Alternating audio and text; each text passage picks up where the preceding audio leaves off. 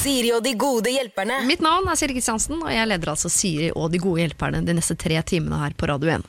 Mine to gode hjelpere, som i dag er Anders Hoff og Katarina Flatland, de er på plass om bare noen minutter. Men når jeg har deg sånn her på tomannshånd, så uh, liker jeg å dele litt privat info fra eget liv. For selv om det i utgangspunktet er eh, du som trenger hjelp, så eh, tenker jeg av og til at jeg eh, kanskje trenger litt hjelp sjøl.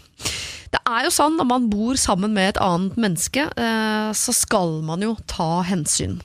Eh, jeg er tidvis god på det, tidvis ikke fullt så god. Det jeg i hvert fall vet at jeg eh, ofte forventer, er at det skal tas mer hensyn til meg enn jeg tar hensyn til alle andre.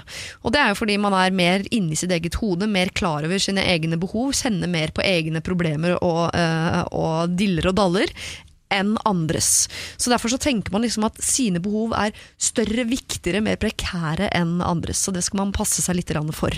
Men det jeg har merket i det siste, er at man også har en tendens til å kjøre seg fast i noen mønstre. Eh, min mann, eh, lokføreren, eller min kjæreste, samboer, kall det hva du vil, vi har jo da anskaffet oss en hund. Vi har hatt hund i over et år, og i løpet av det året så har det kjørt seg fast noen mønstre. Blant annet at den derre siste lufteturen for kvelden, den er det altså uh, min mann som tar, og ikke jeg. Uh, med mindre det bare er jeg som er hjemme, da. Uh, så, så det snakker vi ikke om lenger engang. Det har bare blitt en automatikk i at han på et eller annet tidspunkt reiser seg fra sofaen og sier sånn Ok, Bobby, da går vi ut og tisser. Og det er bare det er en oppgave som har falt bort fra meg.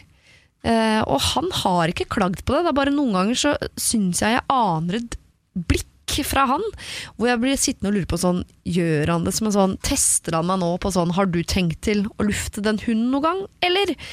Eh, For i så fall så burde han jo si noe. Jeg er jo veldig opptatt av det. At hvis du vil ha noe, så må du si rett ut hva det er for noe. Jeg responderer ikke på hinting. Så hvis han prøver å hinte med blikk om at jeg kanskje burde lufte den hunden av og til, eh, så eh, kommer jeg ikke til å respondere på det hintet på noe som helst tidspunkt. Men så dukket dette opp, da. Man skal jo ta hensyn, så selv om ikke jeg godtar hinting som kommunikasjon, så kanskje jeg skal ta det hensynet det er, og innimellom tilby meg å lufte hunden som siste, altså den siste lufteturen på kvelden. For han syns sikkert også det er deilig å bare krype i pysjen og bli sittende. Så jeg har ikke gjort det, altså. Jeg skal ikke sitte her og skryte og, og si at jeg har gjort det, men jeg har nevnt det foran. Eh, litt sånn he-he, det er liksom blitt din oppgave, det, he-he, har jeg sagt. Og prøvd å være så sjarmerende jeg bare kan, i håp om at han skulle bekrefte og si sånn ja, det er min oppgave, å være glad i den oppgaven. Men han bare bekreftet mm, ja, det har det liksom blitt, med litt irritasjon. Så jeg tror nok jeg er på sporet av noe her. Jeg tror jeg er på sporet av at han ønsker at jeg også skal ta litt tak i akkurat den oppgaven som da bare har tilfalt han. Så nå er jeg litt i splid. Skal jeg ta hensyn, som jeg jo vet at man skal i et forhold? Eller skal jeg stå fast ved mitt, som er at hinting er ikke kommunikasjon? Hvis du vil at jeg skal lufte hunden, så må du si det rett ut. Ah, dette er en veldig spennende serie. En spennende britisk serie, vil jeg kalle den. Eh, så neste uke så får vi jo se, da om jeg har lufta hunden, eller om jeg har latt det være.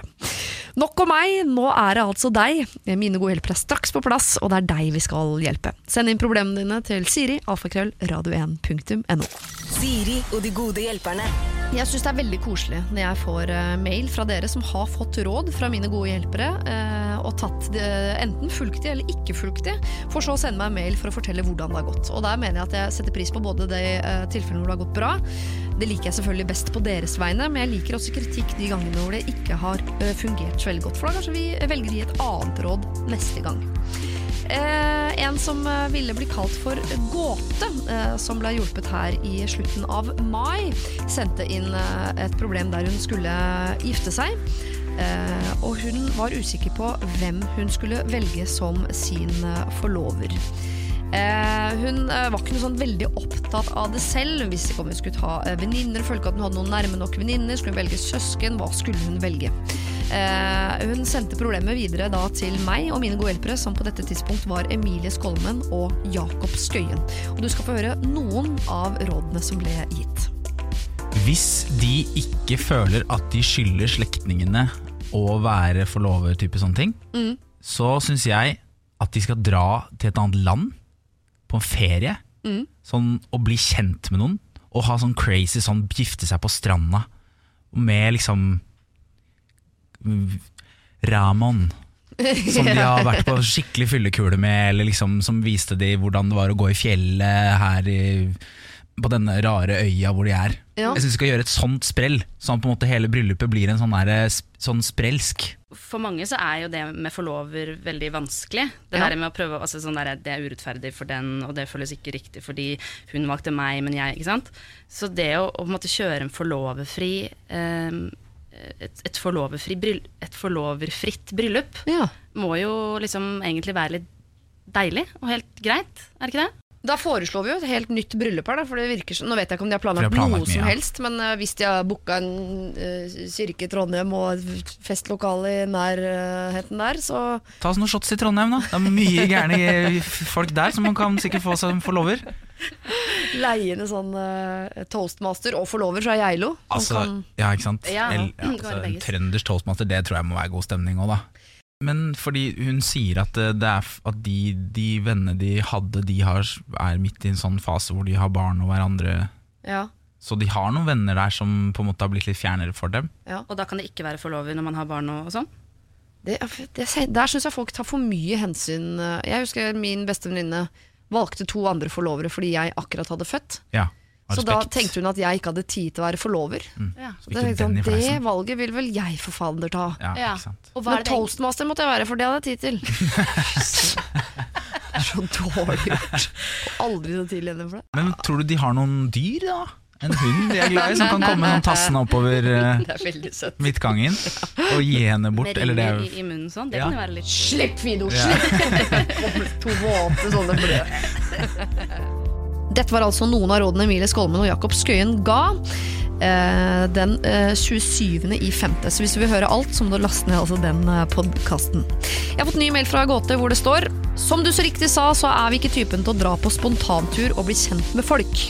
På den tiden jeg sendte inn dette, så var bryllupet booket, og det eneste jeg manglet, var jo forlover. Det som ble løsningen for meg, var at jeg satte meg ned og tenkte på hvem som virkelig har vært der for meg, og svaret ble mamma. Hun har alltid vært der og støttet meg, og det var hun som var med på kjoleprøving, og det var hun som hjalp meg når jeg skulle få den tilpasset. Mamma syntes det var rart å bli spurt, men tok oppgaven sin seriøst, og jeg tror hun innså hvor vennløs jeg virkelig er. Hun var uvurderlig å ha på selve dagen. Hun var med meg til frisøren, hjalp meg med kjolen, passet på buketten osv. Nå er jeg nygift, og vi hadde et helt fantastisk bryllup, en fantastisk dag. Så mitt råd er til alle vordende bruder der ute å drite i alt som heter tradisjoner. Vil du ikke ha forlover, så ikke ha forlover, da. Vil du ikke invitere han creepy onkelen, så ikke inviter han, da. Ingen har noe de skulle ha sagt om dine valg, og de fleste er for konfliktsky til å si noe uansett. Og det er helt riktig. Det glemmer man noen ganger når man er konfliktsky selv, at alle andre også er jo konfliktsky. Så en del konflikter kan man på en måte komme seg unna ved å satse på andres konfliktskyhet, hvis du skjønner matematikken i det jeg driver og surrer med nå. Men så bra å høre, altså, Gåte, at det gikk bra, at du er lykkelig nygift med din mann. Siri og de gode hjelperne. Nå har jeg fått mine to gode hjelpere på plass. Det er eh, Rask mann Anders eh, Hoff, Skal vi danse-programleder. eh, Far og i et forhold, er det godt oppsummert? Jeg skal skru på mikrofonen din, Ja, er ikke det litt ålreit? Ja, det er ålreit. Eh, altså, jeg kan godt rope veldig høyt. Sånn at det fanges opp bort hos meg. Ja, det blir jo en lang sending. Men, Men- det var veldig raskt eh, og fint eh, oppsummert. Ja. Eh, jeg må ta det inn litt. Jeg kan ikke bare sitte her og ta det inn, all den informasjonen. Si ifra etter hvert hvis det er noe du vil trekke fra eller legge til. Ja, Eh, Katarina Flatland, der har jeg skrevet TV 2s tronearving. Nå leder av Idol. Gift. Nygift. Wow. Ja, Mm. det var hyggelig. Jeg tenker at du kommer til å ta over som dronningen av TV 2. Å, mener du det? Ja, og Så Først var jeg på Prinsessa, men så tenkte jeg det er jo Helene Olafsen. Ja. For hun er jo Det kan jeg leve med. nyere enn deg inn i huset. på en Ja, måte. jeg er glad du tar meg på en måte over Helene. Ja, ja. en intern uh, krig. Krig i TV 2. Ja, ja, ja. det er alltid dårlig stemning i TV 2. På alle. Dere hilser ikke. Ja. Men dere to, som jo da representerer TV 2 begge to, ser dere hverandres programmer? Det gjorde jeg på fredag. Satt og koste meg med Katarina og ble Ja. imponert Ja. over eh, eh, hvor utrolig mye du må huske. ja, men i like måte. For det er veldig gøy at du sier, for jeg så jo deg på lørdag. Så vi gjorde jo ikke annet i helgen enn å se på hverandre, I. TV 2. Vi ser på TV 2. det er det vi gjør. Nei, men det er ikke hver helg, men eh, jeg syns det er veldig hyggelig å få med meg litt hva som skjer. Og Ja. så eh, er jo jeg en veldig stor Skal vi danse-fan, da. Du har jo si. vært med. Jeg har jo vært med. Var du god? Ehm, skal man, hvordan kan man komme ydmykt ut av det spørsmålet, men samtidig skryte litt av seg selv? Du kan si sånn. Fikk du terningkast ti noen gang? Eller er Ja, terningkast, ja, ja, ja, ja. Glad du spør. Glad du spør. Ja, glad du spør. Jeg vet jo om deg, Katarina. Din plan B er eh, medisinstudiet, altså å skulle bli lege, som din ektemann, Yes. så vidt jeg vet. Eh, hva er din plan B, Anders, hvis eh, alt annet skulle feile? Eh, jeg, jeg er jo fra gammelt av siviløkonom. Det er du! Ja, ja, ja. Ja. Så jeg har jo en revisor uh, i meg. Den sitter ganske langt uh, der inne, men den er der. Ja. God med tall, da. Ja, jeg er glad i tall. Ja. Jeg er det. Jeg har vært revisor to år. Oh, ja. Ja. Jobba corporate business. Nam. Så bra. Jeg skjønner ikke, har du det tid bra? til, fått tid til det òg? Ja.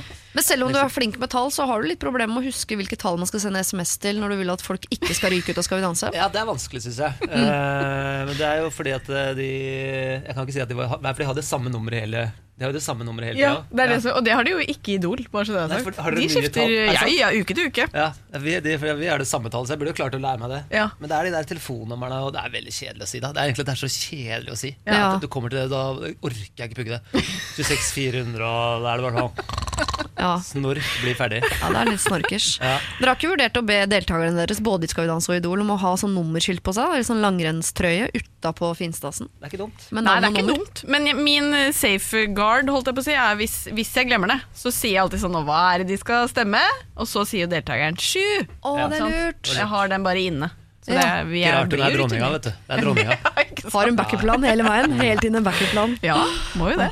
Det er godt å ha dere her, begge to. Vi skal jo hjelpe andre folk nå i eh, gode, drøye to opp mot tre timer. Ja. Fått inn masse mail fra folk som trenger eh, hjelp.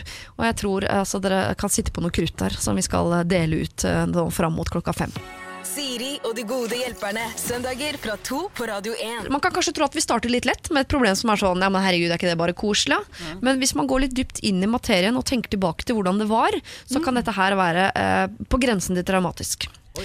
Ida har, eh, hadde bursdag 14. oktober, da ble hun 18 år gammel. Jeg har lyst til å feire, men jeg vet ikke hvor jeg skal gjøre det. Jeg synes det er også vanskelig å finne ut av hvem jeg skal invitere, for det er mange jeg henger mye på skolen med i forskjellige timer, så de kjenner ikke hverandre nødvendigvis. Hvor godt må jeg kjenne dem fra før, før jeg eventuelt kan invitere dem? Og jeg håper dere har noen gode ideer generelt, Ida. Altså, Ida hun vil ha verdens beste feiring, men har allerede begynt å problematisere. Tenk hvis hun Hun kjenner jo ikke han Altså, hvilke hensyn skal man ta når man inviterer til fest? Ja, den er vrien. Altså, jeg har jo jeg har en femåring, Ja. Uh, og det er jo mye av det samme debatten der. Hvilke grupper i barnehagen skal være med? Skal Ekorngruppa få lov å være med, eller skal vi stoppe på Dino? Skal vi ta med Kroko? Må man ikke invitere alle der? Med Ja. barn? Ja, men så er det ikke alle som har store nok Nei, leiligheter. ikke sant, det er jo til ikke det å heller. flytte inn liksom 25 unger og sånn. Det er jo det, det høres lett ut, men uh, Ja. Ekorngruppa òg, ikke sant. Det er jo bare De alene er tolv, De er liksom. de er alene er tolv, og de er små. Ja. Så da, da må de ha med foreldrene i tillegg, ikke sant. Og det Ah. virker slitsomt. Da begynner det å bli slitsomt. Ja. Den fasen der hadde jeg glemt. Den hvor foreldrene var med i bursdag. Det Ja. er et mareritt. Ja, Det er det ikke når de er 18, da, så det slipper hun. Eh, Det slipper Ida Ja. å ha med. Men uh, du har jo hatt bryllup òg. Ja, jeg skulle akkurat si det at jeg har på en måte akkurat vært i samme problemstilling eh, i form av litt sånn eh, Inviterer man gamle venner? Skal man invitere de ferskeste vennene, men kanskje de du er mest glad i akkurat nå å være med? Skjønner du? Altså, det, er, det er så vanskelig. Ehm, men jeg gikk jo hardt ut og Hva var det du gjorde? For dette blir jo veldig avslørende. For de som, de som hører på nå, ikke kom. på en Hvem, hvem, var, hvem tok det? Tok du de du var glad i? Eller tok du Eh, jeg tok, jeg, vi tenkte framover, da. Og det Ja. tenker jeg Ida burde gjøre også. ikke sant? Tenk, Hvem er det hun vil eh, se Hvem er det hun ser for seg at hun kommer til å være mye sammen med framover? Eh, og om ikke de kjenner de, og eh, det hadde jeg ikke vært så opptatt av. Folk Nei. får det jo hyggelig uansett, opplever jeg. Men, ja, men det er vel det Jeg husker som Når jeg arrangerte fester eh, før, så var jeg veldig redd for det. For jeg trodde at det var min oppgave å sørge for at Ja. de hadde det gøy. For Hvis ikke de hadde hatt det gøy hos meg, så var det meg det var noe gærent med. ja, Og sånn og man kan godt le av det, men jeg tror kanskje det var litt grann sånn òg. Hvis Ja, man hadde kjeda seg hos Karo i helga, da var Karo skikkelig kjip. Altså, det skulle jo ikke mer til. Nei. Nei, Nei. det er jeg enig i, men, men Enda eh, Karo hadde lagd både pølser og bretta servietter og gjort alt. Alt var riktig, Alt var riktig. men det var kjedelig. Det var kjedelig hos Så Karo. nå liker vi ikke Karo lenger. Nei, Karo er ut. Nei, man har jo ansvar for å lage en gøy fest. Ja. Men da kan man ha litt uh, leker og underholdning, kan man ikke det? Kan man det når man er 18 år? Ja, ja, jeg har det på mine fester. Jeg. Pakkeleken vil jeg gjerne slå et slag for. Det er en veldig gøy festlek. Hva er det? Ja. At du åpner og pakker mens noen ser på. Jeg skjønner at du syns det er gøy, men Det er jo femåringen din igjen, det. Det er jo det der, Nei, dere vet hvor alle tar med en liten ting til mellom 20 og 50 kroner. Pakker den inn, gjerne stort eller lite, og så bruker man en terning rundt bordet. Og så er det om å liksom sitte igjen med pakker til slutt. Ja, og så kan du stjele pakker fra hverandre hvis du får oh, ja. like tall på terningen. Ja, det har jeg vært med på. Veldig, litt stressende òg, Ja. Men Ja. uh, det er en fin icebreaker, selvfølgelig. ja. Ja. Pakkeleken. Ja, jeg skriver opp. eh, Ida, kjør pakkelek. Eh, men, Men eh, kan hun dette med hvor godt må jeg kjenne folk før jeg inviterer dem? Er det ikke sånn igjen, at, Jeg klarer ikke å liksom omstille meg til Siri 18 år, men nå tenker jeg at er det ikke bare uansett utrolig hyggelig å bli invitert? Eller kan det være feil òg? altså, det er vondt hvis det da blir en sånn herre altså, For du har vært i det gangen òg, når det blir sånn Hæ? Er jeg invitert til det bryllupet, liksom? Altså Blir man nesten sur? Eller sånn, Hvem er det du tror at du er aktiv? Eller? nei, nei, ikke sånn. Nei. nei. men mer sånn overraska, liksom. Bare sånn ja. Hæ? Men det er jo en positiv overraskelse. Ja, er en positiv du blir jo utelukkende glad. Ja, du blir glad Ja. Jeg tenker du må ikke kjenne folk så veldig godt, jeg. Eller? for å invitere til bursdag. Ja, nei, for nå begynner jeg å sammenligne med bryllup, og selv der tenker jeg sånn Hvis du syns de kan lage god stemning og Jeg syns du kan lage god stemning, så du er herved invitert. Men det kommer litt an på gå, også Jeg er veldig sånn tradisjonell, da. Opptatt av å ha langsiktige, gode forhold. Mm. Så jeg tenker sånn eh, Man må ta med kjernen. De menneskene som har vært glad i deg lenge. Mm. Eh, sannsynligheten for at eh, du trenger de seinere i livet også. ja. På en eller annen gang Når du liksom ikke når du hopper litt over akkurat hypen rundt 18 og 19 og sånn, så de, da, på en måte de, da henter du inn i de der gamle som veit akkurat hvordan du er. Ja. Så jeg tenker Du må ha med deg det lasset der. Den gjengen der, trenger ikke det alle, men du må jo ha med den gjengen der. Og så, så kan du spe på med litt nytt krydder ja. som kan spice opp litt. Og frykten for at de ikke skal gå overens, den skal man bare eh, Er ikke sant, For det er den, da, selvfølgelig. Ja. For noen ganger er man litt så flau også. Man er flau eh, o- eh, over de gamle overfor de nye, eller Ja, motsatt kanskje. Ja. ja. At det er litt sånn At man har lyst til å For det er vel fortsatt sånn at man er delt inn i de kule og de ukule på skolen, antageligvis. Så Ja. det kan være noen sånne universer som kolliderer der. Men jeg føler samtidig at 18-årsdagen er litt sånn markering av den første bursdagen som man kan velge ordentlig selv hvem du vil invitere, hvis du skjønner. Ja. At liksom, når man er 16, da må du please alle. De nye, de gamle, alle må inviteres. Følte i hvert fall jeg. Men 18, da er man jo snart ferdig på videregående, ikke sant? Ja. Og da syns jeg man skal bare Da skal man gjøre akkurat det man har lyst til. Ja. For første gang, liksom. Sånn bursdagsmessig. Jeg Du tror i er hvert fall ja. Ja, jeg er det. Det tipset jeg gir uansett fest, er eh, book alltid et for lite lokale. Ja, enig. Inviter alltid mange flere enn det det er plass til i det lokale du leier. Fordi er festen glissen, at det ser glissent ut, så kan det være så gøy du bare vil. Du vil oppfatte det som glissent uansett. Så jeg tenker eh, kanskje ikke ha det hjemme, men ha et, et bitte, bitte lite sted. Og så har jeg bare invitert alle. Ja. Gamle, Ja. nå, eh, nye, fremtidige.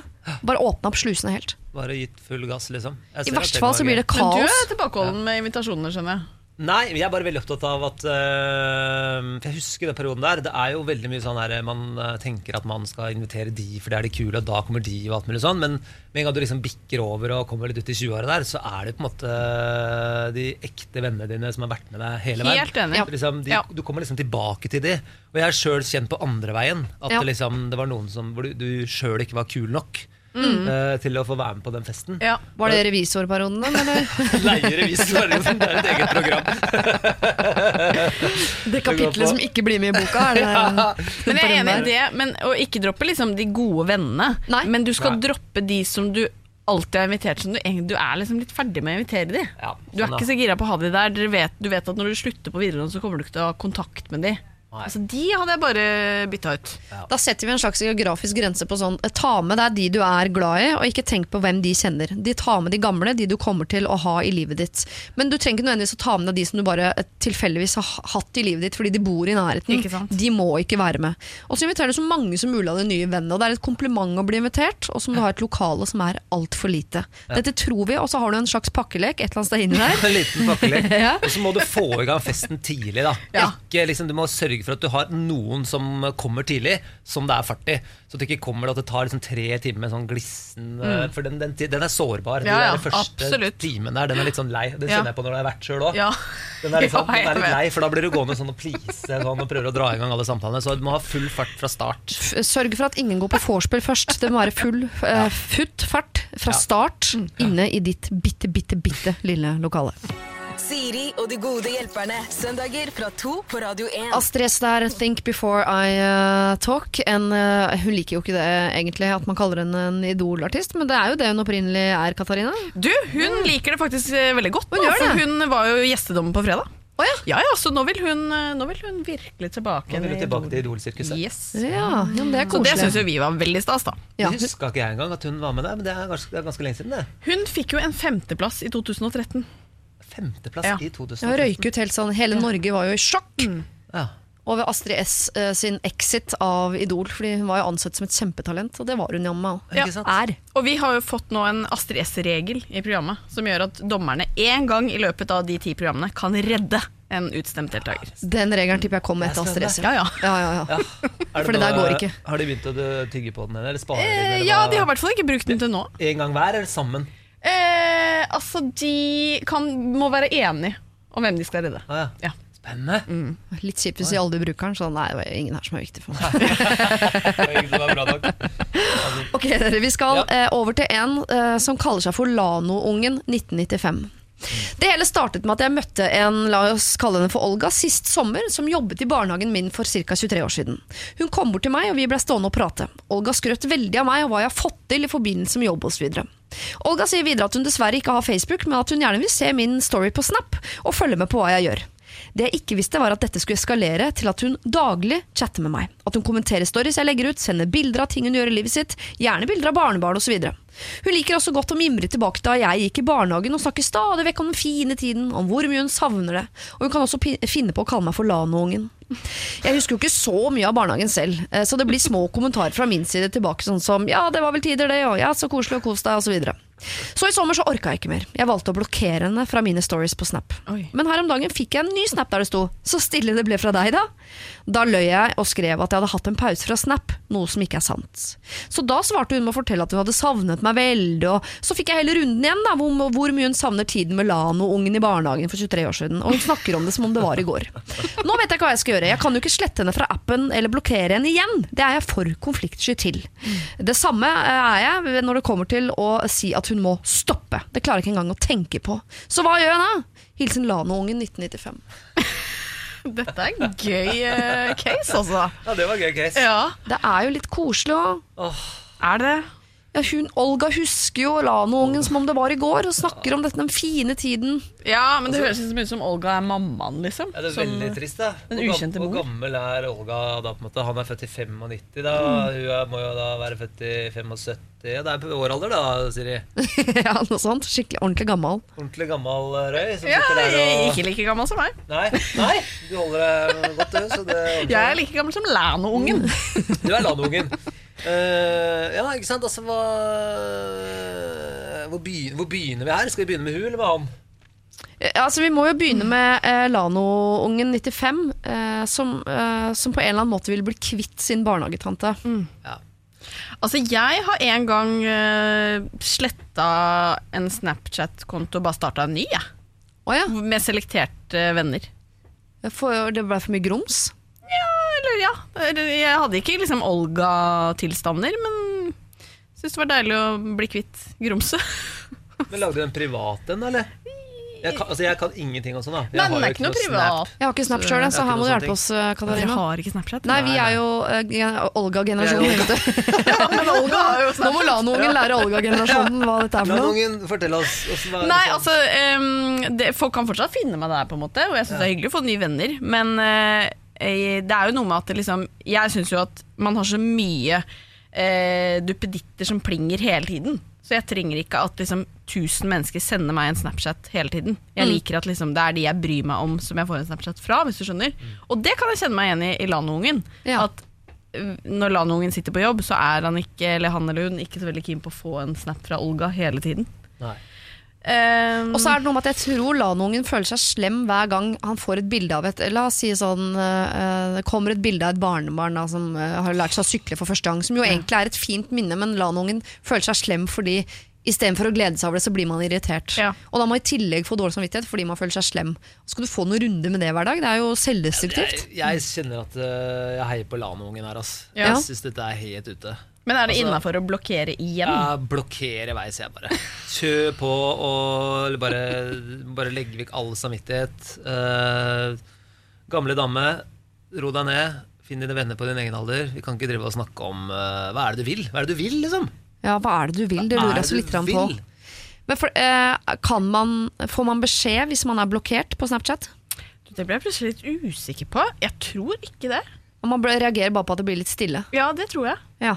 Så eh, blokkere blir jo på en måte samme som å lage en ny Snapchat-profil, som jeg synes virker som litt mye jobb, hvert fall hvis man har opparbeida seg en Ja, god pøl med er venner sant. der. Bare av en gammel Olga, liksom. Ja. Det høres litt sånn eh, Nei, jeg, jeg, Men eh, jeg tenker Nå hadde han slutta å svare, ikke sant? Nei, nå er det jo litt på igjen, da. Ja, for at det, Han fasiliterer jo litt Olga hvis han anerkjenner det hun svarer. Altså Ja. Sender et bilde og så sier han 'så søt', eller selv om han føler at det er avvisende, så tenker jeg bare ikke svar i det hele tatt. En klassisk utfade. Ja.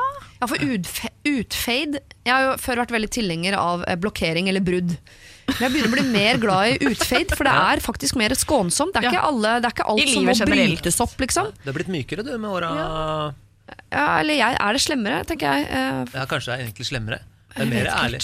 Men jeg, jeg, er enig, jeg kan godt gjøre det, altså. Men jeg mm. tenker også at du kan få lov å si til uh Olga45 at eh, du vet hva, Snapchaten min den er for bare vennene mine. Ja. Særlig at du hadde sagt det til noen i ditt liv, Anders.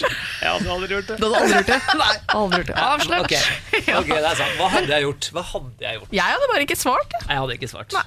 Det er jo Lano-ungen vi skal hjelpe. Jeg vil bare at vi skal ha med oss inn nå at uh, Olga her prøver bare å være snill. Dette er eh, stort og søtt og viktig for henne. Hun mimrer. Eh, så det er jo litt slemt å skulle liksom bare avfeie det. Så her, jeg tenker at Lano-ungen bare skal sitte helt stille i båten og håpe at på et eller annet tidspunkt så går Olga også lei. Men, At men hvis hun skal har så behov for å liksom snakke om det så lenge Ja. Er det noen mennesker som ikke går lei, da? ja. Og når Du sender liksom, du har jo tråkka over en ganske lang, rar grense når du begynner å sende bilder av barnebarna dine Ja. til han-ungen. Ja, Da Kanskje hun er jeg, ensom, da. Ja, det, ja, hun har jo barnebarn, da. Ja. ikke tida der, da. ja. Og vente på at barnebarna får Snapchat-konto. Ja. Da er du fri. Kanskje du må bare vente på det. Sorry. Ti år. Gode ti år, så er vi der. Eller bare sende, sende iPhone i posten til barnebarnet hennes. Ja. Det er ikke så dumt. Jeg beklager, Lanungen. Her har vi ikke noe quick fix som ikke på en eller annen måte blir litt slemt. Uh, Olga er jo ikke slem her, så vi tror bare du skal kjøre en litt sånn silent treatment på henne. Du må slutte å kommentere, for da eh, gir du bare næring til Olga, og det er det hun vil uh, ha. Jeg Så syns ikke hun vær er litt slem. ekkel. Jeg synes hun er litt ekkel. Er Litt ekkel. Ikke vær slem mot Olga, selv om hun er bitte litt ekkel i Anders sine øyne. Uh, ikke gå i noe brudd. Bare slutt å svare, og kjør en klassisk, ganske lang utferd. I verste fall helt til barnebarna hennes snell, selv får seg Snapchat. Siri og de gode hjelperne. Du hører på Siri og de gode hjelperne her på Radio 1, som i dag da er eh, meg, som vanlig, Siri Kristiansen, sammen med i dag eh, Katarina Flatland fra eh, I disse dager Idol, og Anders Hoff fra I disse dager Skal vi danse. To, Kommersielt og fint. Hæ? Kommersielt og fint. Ja, to fine TV ass. 2-profiler har jeg med meg altså i dag.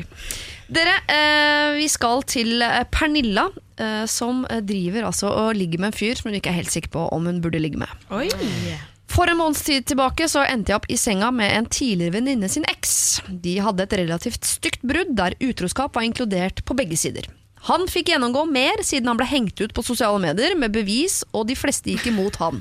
Jeg syns selv at han fikk litt ufortjent mye dritt, og valgte å være kompis med han. Det førte til at vi snakket mye på Messenger, og til slutt ble det en spenning mellom oss. Og vi har nå hatt sex et par ganger, men alt er hemmelig, og ingen vet om det. Eksen hans er som sagt en tidligere venninne, og vi er ikke på talefot i dag, men vi møtes på byen en sjelden gang. Gjør jeg noe galt, og burde jeg avslutte dette før det går for langt, eller er dette egentlig bare helt innafor? Hilsen jente på 24, kall meg gjerne Pernilla. Altså Når hun skriver 'ikke på talefot', så virker det som de har krangla. Eh, Det tror jeg ikke. Jeg tror bare at de, de er ikke så close, på en måte. Fordi uh, hun vet jo ikke at hun ligger, Pernilla ligger med eksen hennes. Det er ikke noe sånn at de har hatt en fight. Er, eh, det er jo vanskelig å sette de der grensene for hvem som er en del av buffeen, og hvem man skal holde seg unna. Men gjør Pernilla noe galt her? Uh, ok, så skal vi ta først ta stilling til det, om hun gjør noe galt Ja. for seg selv eller for venninna. eh, moralsk i det, på Moralsk. planeten vi bor på, liksom. planeten vi bor på i forhold til sosialt og kulturelle reglene som gjelder i verden i dag. Ja. Ok. Eh, ok. Sa han på utpust. Ja. Ja. Eh, Nei, la oss gjøre det. Altså, jeg syns jo det var veldig essensielt hvor gode venner de var, da. Ja. Eh, moralsk for henne selv, det tenker jeg går, er litt fra person til person hvor man føler grensen går. Ja. Men det viktigste her er jo eh, hvordan man behandler andre mennesker. Ehm, jeg får jo en dårlig følelse på han nå, men det kan vi godt ta etterpå. Ja, det, men, det, er, det, er den, det er den jeg tenker. Ja, jeg tenker på hun. Så Ja, dere så- liker ikke han, men dere trenger ikke å ligge med han heller. Nei. Det er Nei, det som er eh, så jeg må klare å legge det til side. Ja. Men jeg syns at okay. det sånn Nei, altså, de er, de er tidligere venner. Og så tenker jeg også, eh, eh, Det glemte jeg egentlig å spørre om, ikke fordi jeg alltid gjør det, men Anders, hvor er det du er fra i utgangspunktet? Oslo. Oslo. Katarina? Asker. Ja, ikke sant? Store steder, mye Ja. folk. Jeg tror dette kan være et sånn luksusproblem, fordi Ja. vi kan på en måte si at eh, nei, den delen av buffeen trenger vi ikke å spise av, for at buffeen er så stor at vi kan gå videre til laksebordet, liksom. Ja, det er sant, det. Mens la oss si at de her er fra, og nå skal jeg prøve å si et lite sted uten å krenke noen. Ja. La oss si de er fra Hobøl, da.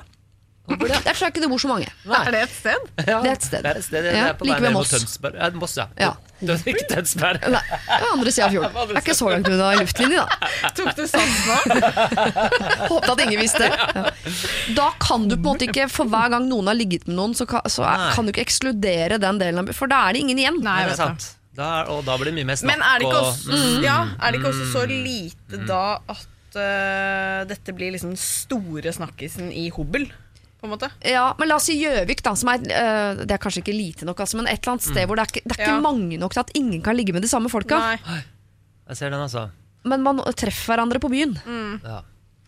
Nei, det er jo øh, det er jo litt, altså Du legger jo det forholdet Det kan du regne med, i hvert fall. da, ta det, da, Konsekvensen av det er vel at du legger vel det forholdet til venninna di, den tidligere venninna di, rimelig brakk.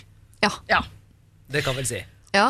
Så det må du ta en oppveiing på. Sånn, er jeg villig til å kaste det bekjentskapet over Ja. bord? Ja. Hvis ja, kjør på. Ja, ja, men nå tenker jeg Nå går jeg enda større. da Er man villig til å liksom kaste kvinners liksom, eh, stolthet over bord? Fordi jeg synes, Burde ikke vi jenter være litt flinkere til å kollektivt ta et ansvar eh, når gutta er drittsekker? da? Jeg hadde i hvert fall satt pris på hvis liksom, min mann var utro. At den neste dama bare Vet du hva, syns du er en kjekk fyr, men det du gjorde mot Katarina, det kan jeg ikke anerkjenne. Så det, jeg vil ikke ha deg, jeg heller. Det hadde vært fett. Ja, det hadde vært fett, og jeg er helt enig i det, men jeg er nok øh, Jeg må dra det litt tilbake. For jeg, sånn, jeg syns vi skal la være å ligge med typene til hverandre. Ja. For å hjelpe hverandre litt Ja. der. Det kan dere gutta også godt gjøre. Altså. Ikke ligge med damene til hverandre. Men dette er jo en eks. Ja, man var har jo dust, liksom. Ja, men hun, Begge var utro. Hun var utro mot Var han. hun utro? Ja, begge var utro. Hun var utro mot han, han var utro mot henne. Det er slutt. saken i et nytt lys. Det er to drittsekker som Ja, har gått fra hverandre. hverandre. på en måte Begge var utro, ja. Ja. Det fikk ikke jeg med meg heller. Nei. Jo, det var uh, utroskap fra begges side. Ja, ikke sant? Side, ja. ja. Så det er to duster. Ja. Ja. Eller to helt normale mennesker som har Ja. gjort hver sin øh, feil. ja, og det er jo ikke hun nødvendigvis så lei seg heller, da. Nei. Det er bare den der uh, kodeksen om at man ikke skal rote i andres uh, Ja, nei, det syns jeg liksom. ikke er noe problem. Nei. Nei, det er jo bare skittent og rart. Ikke sant? Ja. Gå og lete i skittentøyskurven til hverandre. Det, det er jo frivillig. Ja, ja, ja, ja. Ja. Jeg tenker at det er greit. Og ja, da syns jeg ja, ikke For det ble litt annerledes. Ja, for jeg tenkte liksom at bare han, ja. Altså, jeg vil, uansett så ville jeg jo ikke stolt på han, da. Det tenker jeg, øh, men det er nå én sak. Men, Ja. øh, Ja, vi går hele tiden tilbake til Vi går han. tilbake Vi til har han. et enormt Dere liker ikke han? Nei. Nei, liker ikke han. Det gjør Pernilla. Ja, Pernilla liker han. Ja. Nei, men da synes jeg jo, altså, For da må vi jo se det på en måte fra hans synspunkt òg. Altså, når han bor i Hobøl, så Ja. er det jo bare de to jentene som bor i Hobøl. Antagelig. Uten å tråkke på noen pga. litt sted eller litt lite. Nei. Eh, så er det jo da Pernilla og hun andre ute, så han, han har lite å velge i, han òg. Ja. Så han, og et, eller annet- en eller annen gang må jo han få Ja. lov å, å ligge litt, han òg. Ja. Ja, det har hun jo tydeligvis gjort. Det har en Ja. historie for å gjøre her. Så ja, det det må være en tredjedame det må her være en også. Ja, det må være det, ja. Ja. Så det er ikke Hobøl, tror jeg. Da er- vi det- over på Gjøvik. Plutselig var vi helt, kommet oss helt til Gjøvik. Ja, da har vi snakket om et stort sted. Ja. Men eh, ja, Nei, jeg er enig med deg, Anders. Hvis, hvis hun avklarer forholdet til venninna og tenker at jeg syns det er greit at vi nå legger dette forholdet, eller vennskapet dødt, Det, det risikerer du i hvert Ja, det må du risikere. Det, det, det risikerer. Så ikke det er så veldig viktig for deg. Hvis ikke det gir noen sånne konsekvenser som du liksom ikke sant? For det kan hende hvis det er venninnegjeng og sånn. Da må et se for det, da. Ja. Så, så, Ja. kan, liksom, de henger jo sammen. Hvis det er alle hennes venninner også Ja, det kan bli dårlig stemning igjen. Ja, Ja, det får jeg ikke inntrykk av. De Nei. treffer hverandre mer eller mindre tilfeldig på byen. Jeg lurer på, Pernilla, om vi ramler ned på det. Fortsett å ligge med han fyren her, hvis Ja. du eh, liker han bedre enn eh, Anders og Katarina helt tydeligvis eh, gjør. Ja, vi liker ikke han. Nei, da fortsetter du å ligge med han. Og så trenger du ikke å tenke egentlig mer på Du gjør ikke noe galt. Det du gjør, er innafor. Men det du skal være klar over, er at det derre bekjentskapet til eksen hans, eh, det må du anse som eh, tapt. Siri og de gode hjelperne. Vi skal eh, over til litt vond lukt, folkens. Å nei. Oi, oi, oi. Mm. Og det tar jeg ikke opp fordi jeg erfarer at noen av dere sliter med det selv, men det gjør altså Nora. Ikke egen lukt, andres. Jeg jobber deltid i klesbutikk, og vi har akkurat fått en ny kollega. Hyggelig nok han, altså, men det er et problem. Han stinker svette. Altså På halvannen meters avstand er det fristende å holde pusten. Jeg har bare møtt fyren fire ganger, men jeg og han skal jobbe lørdager eh, sammen det neste halvåret, og han lukter like ille hver gang jeg har møtt han så langt. Jeg blir skikkelig flau når jeg ser at til og med kunder rygger litt når de snakker med han, og jeg merker at jeg ikke klarer å være like hyggelig og åpen som jeg ønsker å være mot nye kollegaer, når jeg hele tiden prøver å ikke komme han for nærme. Så, hvordan kan jeg si fra om det da til uh, denne nye kollegaen uten at jeg fremstår som tidenes verste menneske? Skal jeg si det til sjefen? Hun er jo svært konfliktsky selv, selv, og jeg vet ikke hvordan hun vil reagere hvis jeg tar det opp med henne. Skal jeg bare la det være, rett og slett? Tilleggsinformasjon. Jeg er jente, han er gutt. Han er fire år eldre enn meg. Hilsen Nora.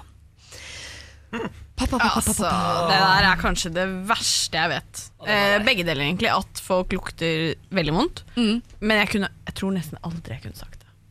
Nei, Nei, det er en av de vanskeligste tingene å si fra om. Åh, det er jo veldig personlig. Og lukt er jo veldig sånn eh, personlig på et eller annet vis. Da. Det er jo vi kunne bryt, b- b- meg. kunne liksom bytta p-piller, du som er lege? Ja. Demper ikke det litt sånn hormoner og lukt? Nå var jo dette en mann da som lukta Ja, men hvis hun gjør det, så hun klarer ja, å komme Og du skal ikke dempe lukten, du skal dempe luktesansen. Det er jo ikke luktesans. Det er, Ja, ja. Det konfliktsky du finner sånne omveier.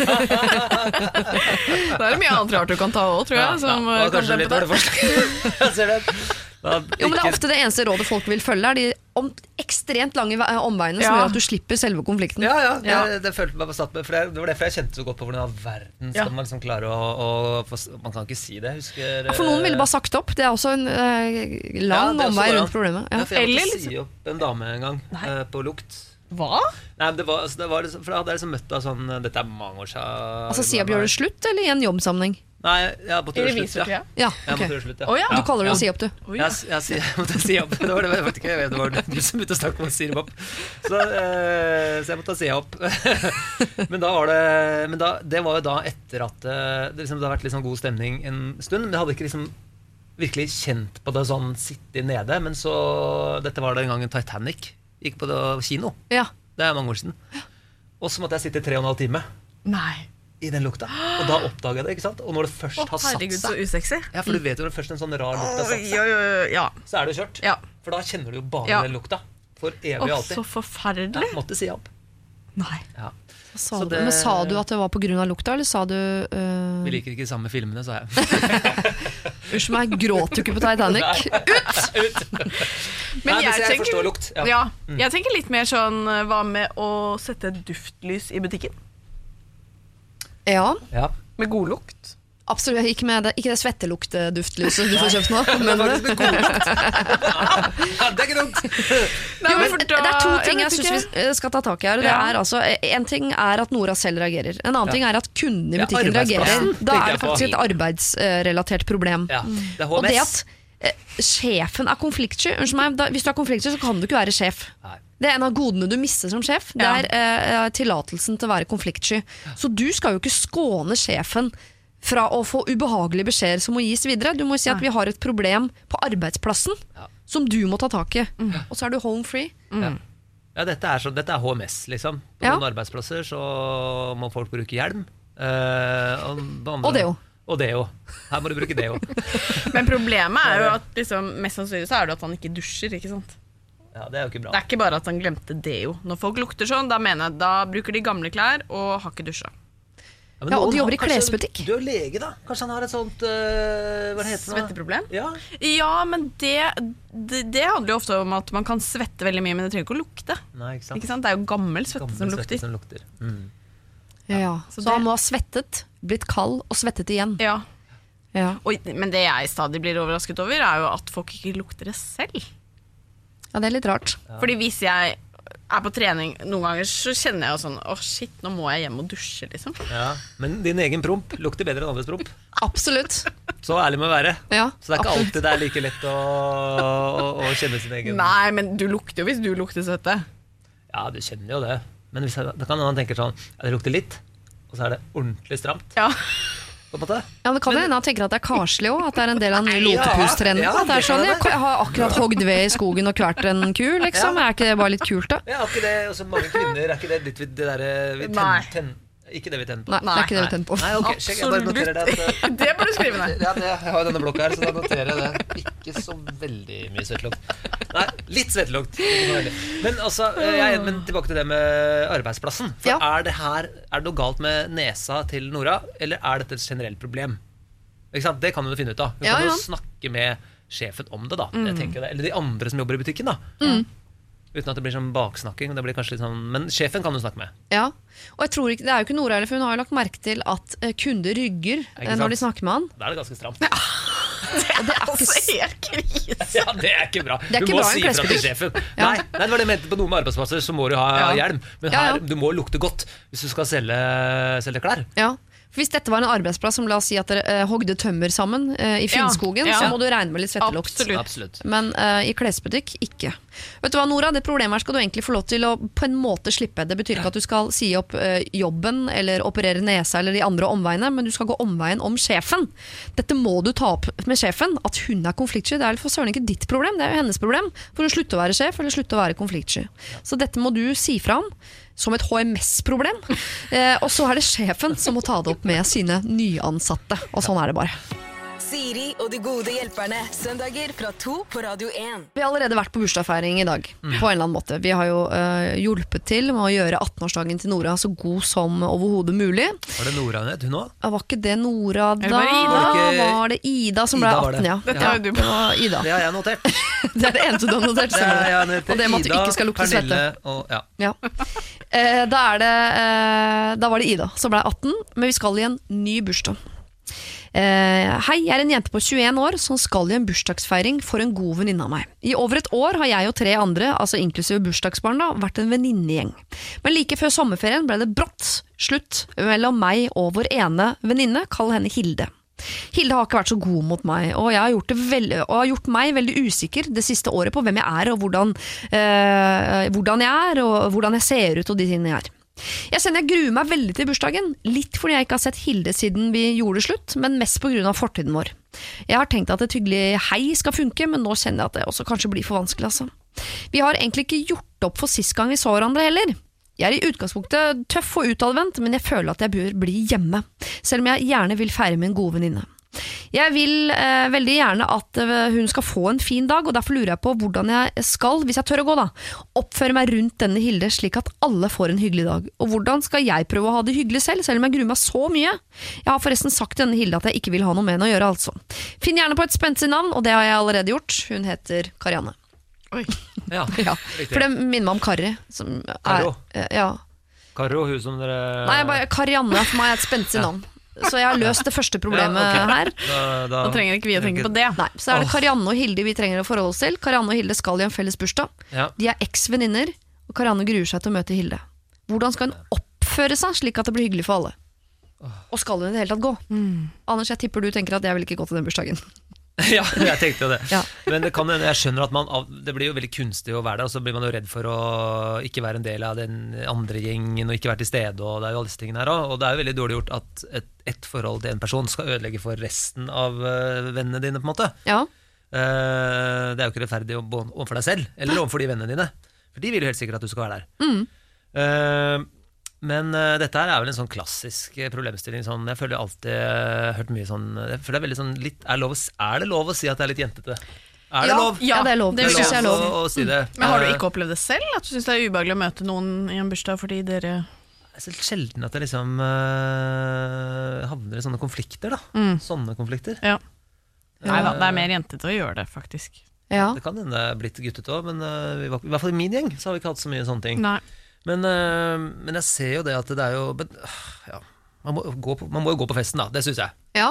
Det er første bud. For ved å ikke gå på festen så utsetter hun jo et problem, for hvis de er i samme venninnegjeng, så Karianne og Hilde kommer til å møte hverandre på et Ja. annet tidspunkt. Og kanskje det er lettere om ti år enn nå, men øh, jeg, jeg ville blitt lei meg hvis min venninne ikke kom i min bursdag bare fordi hun ikke likte en annen på festen. Ikke sant? Det blir for dumt. Ja. Det er jeg helt enig i. Kan hun involvere bursdagsbarnet, eller skal bursdagsbarnet skånes for dette? Nei, Jeg skal få slippe, slippe det dramaet der. Du kan kanskje involvere ei venninne. uh, for å føle seg litt sånn trygg. Et sted hvor du kan gå. Det er veldig godt råd. Uh, et sånn trygg, en Ja. trygg havn på festen. Ja. Og så tenker jeg at man må liksom ta litt sånn eierskap til det. Altså t- at liksom sånn Uh, Bestemme seg, da. Det vil hun jo tydeligvis også, men på forhånd sånn Når jeg kommer dit, så skal jeg, jeg, skal, være, jeg skal være hyggelig. Ja. Jeg hadde liksom gått ganske tidlig bort på min hilserunde og sagt sånn Hei, uh, Hilde. Så, så godt å se deg. Og Ja. så videre. Sånn at man liksom bare Du tar brodden av det kleine. Mhm. Og så hvis man havner i en felles samtale, så vær hyggelig, liksom. Vi skulle gjerne visst hvor stor denne festen var. Ja. Hvis det er fire stykker rundt et bord, så er det klart Ja. at det er litt vanskelig. Ja.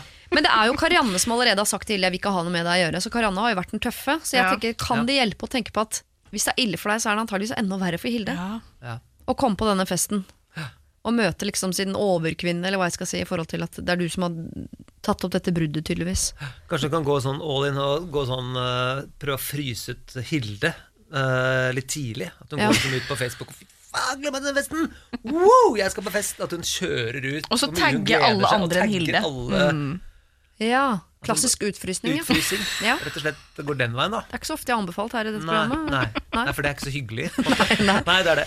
Men eh, å være først ute er jo et fint stikkord. i forhold til Jeg tror jeg ville vært For det er ofte å tenke hvis man gruer seg til en fest, og dette er generelt festtips fra meg, eh, så tror man at det lønner seg å komme litt seint og ha drukket litt og sånn. Feil.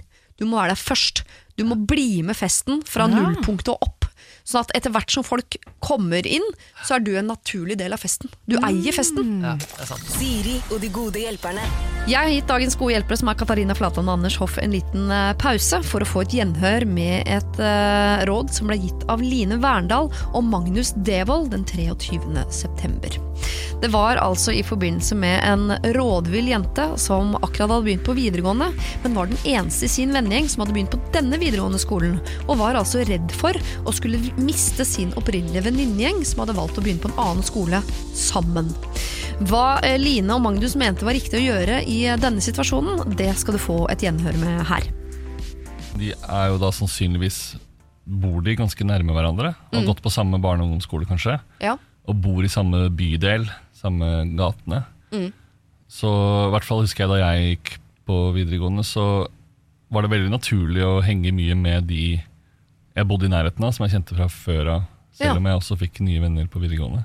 Det skumle kan være når de begynner å få sånn sjargong. og vet du hva, Han der Steffen han, er, han kom bort i friminuttet i dag. vet du, så, ikke sant? De, de kommer til å få et type språk som hun ikke helt henger med på. da. Ja.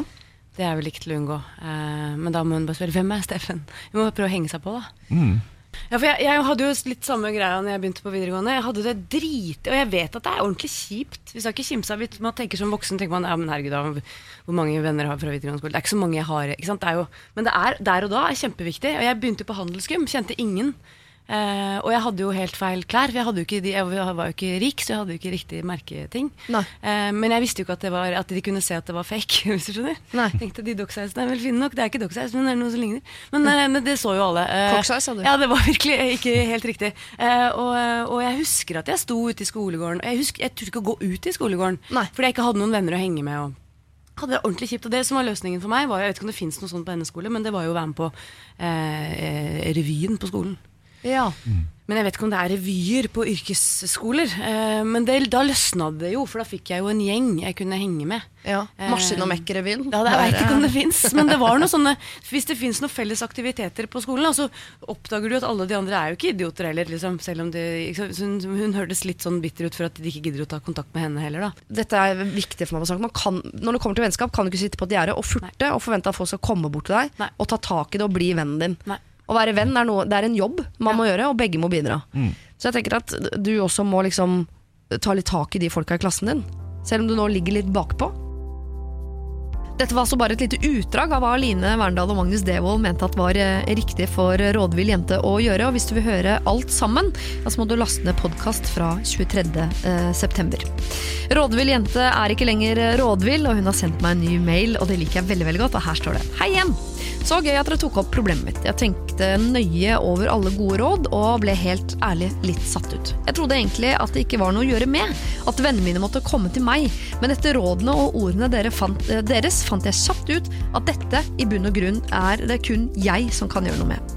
Jeg satte meg derfor ned med jentene mine og sa til dem akkurat hva jeg følte og tenkte. Vi avtalte at jeg skulle ta mer initiativ, og at de skal snakke litt mindre om alt som skjer på sin skole.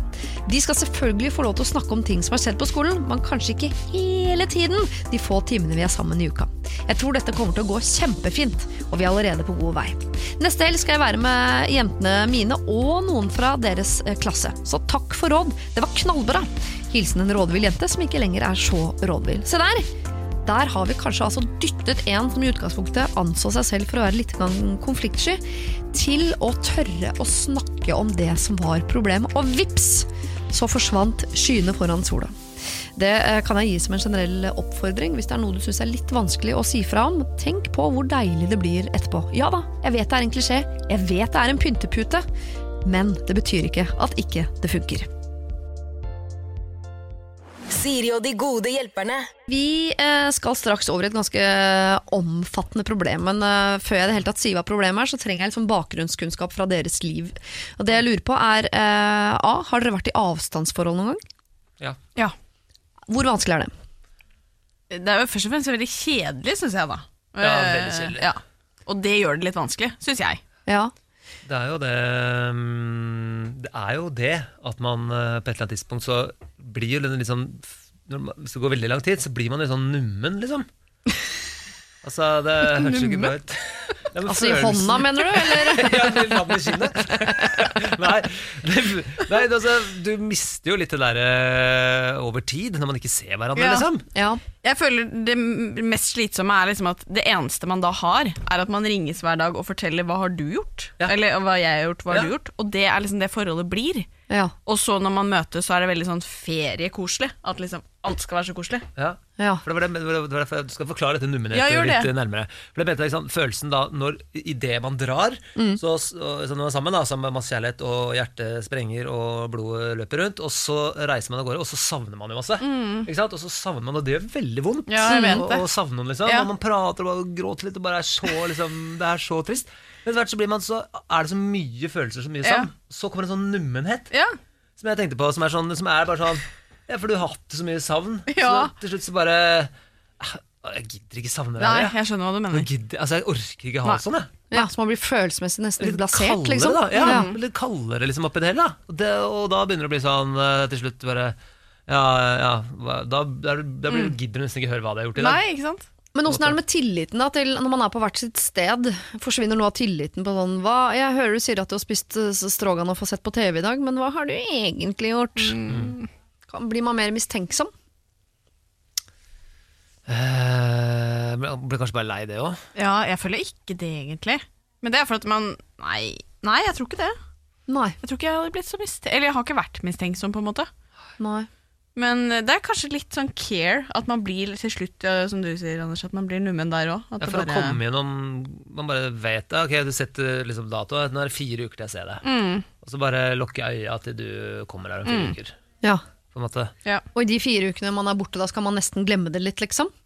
Ja, det er sikkert det som er litt skummelt, da. Ja. Og det er da jeg mener hvis man over tid har det sånn, så Ja. tror jeg det er vanskelig. Mm. For da sakte, men sikkert så fader man bare ut. Ja. Ok, da har jeg eh, bakteppet jeg trenger for å lese altså problemet som eh, Sandra har sendt inn. Eh, Sandra har sendt inn et problem som var eh, nesten en roman, som jeg nå har ku- kuttet ned til en slags Ikke novelle. kukket, nei. Ja, ikke kukket Nei, i det nei hele bare så tatt. jeg, for jeg lurte på hvordan du, hadde, hvordan du hadde gjort det i praksis. Men det er jo Der fikk jeg litt ekstern hjelp. Ja, et, eh, Ja, et firma. Eh, Nå skal jeg lese en, da, en kort novelle. Jeg er en 25 år gammel jente og eh, var i vår på utveksling, eh, hvor jeg traff Felix, en fransk gutt. Han hadde vært i et avstandsforhold da i tre år. Men vi begynte å henge sammen, og vennskapet oss imellom vokste seg sterkere, og jeg skjønte etter hvert at vennskapet vårt var i ferd med å utvikle seg til noe mer, og at begge parter fortrengte dette fordi Felix fremdeles var i dette avstandsforholdet. Så går tida, da, men uten at det egentlig skjer noe intimt. Jeg hadde bestemt meg for at jeg ikke skulle initiere noe som helst mer med han, at jeg bare skulle vente til det eventuelt ble slutt med han og dama før det kunne skje noe mellom oss. Likevel. To uker før semesterslutt så endte faktisk Felix opp med å krysse de forbudte grenser som jeg ikke hadde turt å krysse selv, og tok vennskapet videre til noe mer intimt. Han innrømmet nå at han var forelsket i to stykker, dama si og meg. Og jeg visste ikke hva jeg skulle gjøre. Jeg bestemte meg derfor for å gi han litt tid til å finne ut av ting med dama selv, eh, og selv om jeg forventet at han skulle gjøre det rette, nettopp å gjøre det slutt med dama som han lenge hadde vært i tvil om, slik at han og jeg kunne få en sjanse. Det skjedde ikke. Han mente at hun ikke ville tåle sannheten, eh, men han ønsket å forbli venn med meg slik vi hadde vært før. Jeg bestemte meg for å akseptere det, og brukte sommeren til å komme meg videre. Jeg brukte hele sommeren på å grue meg til semesterstart igjen, på at Felix skulle flytte til Oslo, men jeg bestemte meg for å play it cool og gi det der med å være venner en sjanse. Så flytter han hit, da, og etter hvert er det tydelig at vi begge fremdeles har sterke følelser for hverandre, og igjen er det han som initierer litt mer nærkontakt. Jeg begynner å merke at dette ikke er bra for psyken min, og jeg sover ikke på natta, og ofte gråter i fortvilelse hver gang vi har vært sammen. Til slutt en dag så skulle jeg møte foreldrene hans for første gang, som var på besøk i Oslo. Men det endte med at jeg fikk et slags panikkanfall over hele situasjonen, og følte meg altså så kvalt. Jeg sendte en velformulert og hyggelig melding til Felix om at jeg ikke kunne møte foreldrene hans, fordi jeg hadde det verken bra i hodet eller hjertet, og jeg trengte distanse. Han viste forståelse, og sa at det var nok det sunneste for oss begge, og at han fremdeles ikke hadde gjort det slutt med dama. Nå har det gått tre uker uten kontakt, og jeg føler at jeg får puste igjen. Men vi har et gruppeprosjekt sammen i november som medfører at jeg må forholde meg til han. Jeg har slitt med søvn og helse på grunn av den emosjonelle belastningen. En liten del av meg tror at det kunne vært fint å være venner og holde muligheten åpen for å prøve et forhold om noen år, når begge har modnet litt mer, og eh, det at han har vært utro en gang, betyr jo ikke at han vil være det med meg, eller? En annen del av meg blir bare såret og traumatisert av hele opplegget, og jeg får pustevansker bare av å skulle se han på skolen framover. Så jeg lurer på hva jeg skal gjøre, rett og slett. Håper på noen råd, med vennlig hilsen Sandra. Dere skal få tenke litt eh, på dette her mens vi hører Ruben og hans Walls, før vi da prøver å gi nettopp noen råd til Sandra om hva hun skal gjøre med denne Felix. Siri og de gode hjelperne. Vi er midt i et problem som Sandra har sendt inn, som handler om Sandra og Felix. De har møtt hverandre i utlandet på utveksling, der de har hatt eh, først et vennskap som har utvikla seg til noe mer. Til tross du trenger at ikke ta hele historien, historien var ganske lang. Så du trenger ikke ta alt en gang til. Ja, ja, ja, Felix har ja. dame, men han er også forelsket i Sandra. De har ligget sammen noen ganger, men de bør vel helst bare være venner, for Felix vil heller ikke gjøre det slutt med dama si. Så det Sandra lurer på er, skal hun holde seg unna Felix nå? Eller skal hun eh, fortsette å være hans venn? I tiden som kommer, De skal eh, jobbe sammen annet nå i november på et skoleprosjekt. Så hun, hun kan ikke unngå han. Nei, Det kan hun ikke. Nei, det kan hun ikke. Skal de være venner? Hva syns du. Katarina? Nei, altså, hva, Jeg vet ikke hva deres erfaring er, men jeg har, jeg er ikke veldig Altså, jeg har en god relasjon til mine ekser, men vi er ikke venner. Vi går ikke, jeg kan ikke gå og ta en øl med de, liksom. Eh, det syns jeg blir veldig rart. For da havner du rett i senga si. Er betryggende for den mannen du akkurat har gifta deg med å vite. Så det kan jeg bare ikke. Så det kan jeg faktisk Nei, det går bare ikke, det. Nei, Vi kan si hei, det er men vi kan liksom- ikke ta én øl. Det går ikke.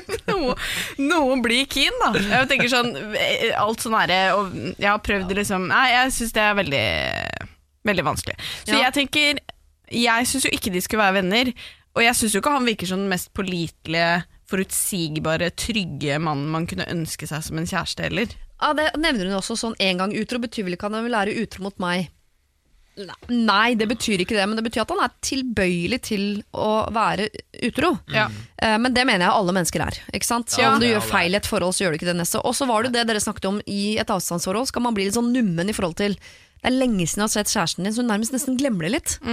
Og når det dukker opp kjærlighet rett foran fjeset ditt, som er veldig veldig tilgjengelig, det er null avstand. Ja. Og det kan godt hende at han er forelska i henne òg, ikke sant? Ja, ja. Det kan jo godt hende han er det. Kan hende han virkelig har eh, kan hende han har, at følelsene for henne akkurat nå er sterkere, på en måte, men han vet jo at han har den trygge havnen hjemme. da Som kanskje Ja. er mer en sånn langsiktig kjærlighet. Og så nevnte hun den sommerferien, ikke sant? hvor Ja. hun hadde strevd for å komme seg over han. Og da har jo tydeligvis kanskje ikke han tatt så mye kontakt. Og så kommer han til Oslo, og da passa det jo godt at de uka opp igjen. Jeg får litt den følelsen, jeg. At liksom jeg At alt ikke- som er litt sånn convenient for han. Ja, Men- og så blir jeg litt redd også når hun sier at uh, vi kan godt prøve å være venner, men hun driver jo og holder den lille døra åpen for at det skal bli de to. Det er ikke et vennskap i min bok. Nei. Det høres veldig dårlig ut. Uh, dårlig ut i det. Jeg tror, ikke de kan, jeg tror ikke de kan være venner. Jeg tror må liksom, han, eh, Hun må sette ultimatum, tror jeg. Ja. jeg tror det. Men Felix, det skjønte jeg ikke helt. Altså, Bor han nå i Oslo ja. og, og har tenkt å være der, eller skal han reise igjen bort? Han skal studere i Oslo, det er en av tingene jeg har tatt bort. Men han er en fyr som har sagt at han er- villig til å slå seg til ro i Norge og Han bo i. Norge. Han ser for seg at han kunne trives her. Ikke sant? Så han er villig til å investere eh, livet sitt og tiden sin her i Norge. Og han ville jo eh, introdusere foreldrene sine, til og med. Ja, det var en uh, liten kryddervariant. Ja, den var spennende. Hvorfor ville han det? Jeg er ikke så inne i den franske kulturen. Jeg. Er de veldig sånn Han var fransk, ja. Ja, ja. Franske franske Felix. Ja. Åh, jeg skjønner jo at hun blir sjarmert, jeg må bare si det. Det er veldig lett å sitte her og si at eh, du må sette et ultimatum med en fransk fyr som heter Felix. Mm. Jeg Ja. blir forelska der, liksom. Litt sånn dun på overleppa. Ja, Fon, fon, fon, fon. Ja. Mm. ja, ja. Den der deilige r-en og den litt sånn stramme uh, lukten av urin som jeg ofte syns at franskmenn har. Hva? Mm, ja, de er urenslige folk. Er det sant? Jeg synes ofte det. Nei, nå syns jeg ikke Felix var noe For meg er franskmenn litt sånn svette, altså. Det er litt Har sånn ikke noe for svette. dem. Ok, Mm. Ikke for å dra alle under en kam, men det er jo det jeg gjør, da. Det gjør du. Ja, det kan vi jo godt si at du gjør. Ja. Men uh, ja. Men jeg bare tenker, hvis, altså hun er forelsket i Felix, Ja. Felix er forelsket i henne. Ja, De er har gått det? på Jeg- mange smeller før. Eh, Men eh, er det da lurt å være venner? Nei, jeg tror ikke det. Høres Jeg som et veldig ledende spørsmål. eh, Ja, jeg, jeg, jeg sier nei. Jeg sier at de må eh, Hun må gå all in eller ut. Ja. Inn eller ut. Men hun vi vil vel all in? Ikke sant? Hun vil inn, ut, inn, ut, inn, ut og inn og ut og inn og ut. Og det har det jo vært. Ja. Eh, og da tenker jeg liksom Til slutt så må man gå ut eller inn. Ja. Så jeg tror hun må liksom sette ultimatet til Felix. Felix, vet du hva? Jeg er så glad i deg. Jeg liker deg så godt. Ehm, men jeg fortjener ikke og at du driver og skvipper rundt mellom deg og hun eksen din. Nei. Du må velge eh, meg eller hun. Da skal jeg hilse på foreldrene dine også, hvis du velger meg. Hvis ikke, så er det adjøs. Ses på gruppeoppgave. Det blir veldig slitsomt. Mm. Eh, men sånn er det. Så hvis han velger henne, så er det jo fryd og gammen. Da Ja. må hun bare stole på det, at dette er eh, riktig. Og Da møte prøver du det, da. Prøver Ja, det, det, det vet hun jo aldri. Det kan godt hende det går uh, dårlig, det òg, men da er det i hvert fall på de riktige premissene, syns jeg. Og hvis han velger da uh, sin nåværende kjæreste, hvordan skal hun f- klare da å forholde seg til han som bare venn når han når de er på tur sammen, tar seg Ja. et glass rødvin, han begynner å rulle på r-ene. Nei, hun, hun, må, hun må bli sammen med en annen i den gruppa, Ja. kjenner jeg. Fokus- Sånn at det gruppearbeidet går smooth, på en måte. Fokusere på svettelukta. Urinlukta var det. Urin, urinlukt var det. Urinlukt, fokusere på urinlukta. Finne fram. Nei, men da må hun jo bare være sterk. Det, den, den, det, det må vi jo alle innimellom. Ja, ja, Altså, vi ja. har alle gått rundt og vært forelska i eh, folk vi ikke skal få. Jeg kan nesten relatere. Jeg går rundt og har lyst på franske fristelser hele tiden, men da i form av bakverk, som jeg må si nei til hver eneste dag. Ikke sant? Ja, selv om jeg også vil dytte eh, fransk konfekt inn, ut, inn, ut, inn, ut og inn, ut av munnen. Hele Og dagen. motstå. Ja, da må, man, da må man bare skjerpe seg, ikke sant? Sånn er det jo det er det noen ganger. Eh, Ja. ja. Har du masse ting du har lyst til å ha inn ut? Eh, ja, jeg får jo lyst på det nå, på en måte. Når dere sier det sånn. Sitat. Katarina Flatland. Får jo lyst på det nå. Ja, får jo lyst på det nå. Ja, Ok. det med det inn-ut-problematikken, den er ja, det, Jeg mener i hvert fall det, at uh, Sandra må, må bare være litt sterk, altså. Ja. Ja, Tror hun, og sette eh, ultimatum. Og så er det jo ja, også, når vi tar, når, vi- Det var et medisinsk spørsmål her òg. Hun hadde det jo ikke bra. Nei, Altså, helsemessig. ja. helsemessig, ja, ja, enig. enig. eh, Og det må man ta på alvor. Ja. Ja, ja. Ehm, så Hva er langtidskonsekvensen av å gå slik i, i, over, over tid? Nei, det, altså Stresshormoner er jo i eh, små doser veldig sunt, men sånn hun beskriver det, ikke sunt. ikke sant? Så jeg tenker at her kan man jo få Hun kan jo, bli, hun kan jo møte veggen. Ja, ikke sant? rett og slett. Ja.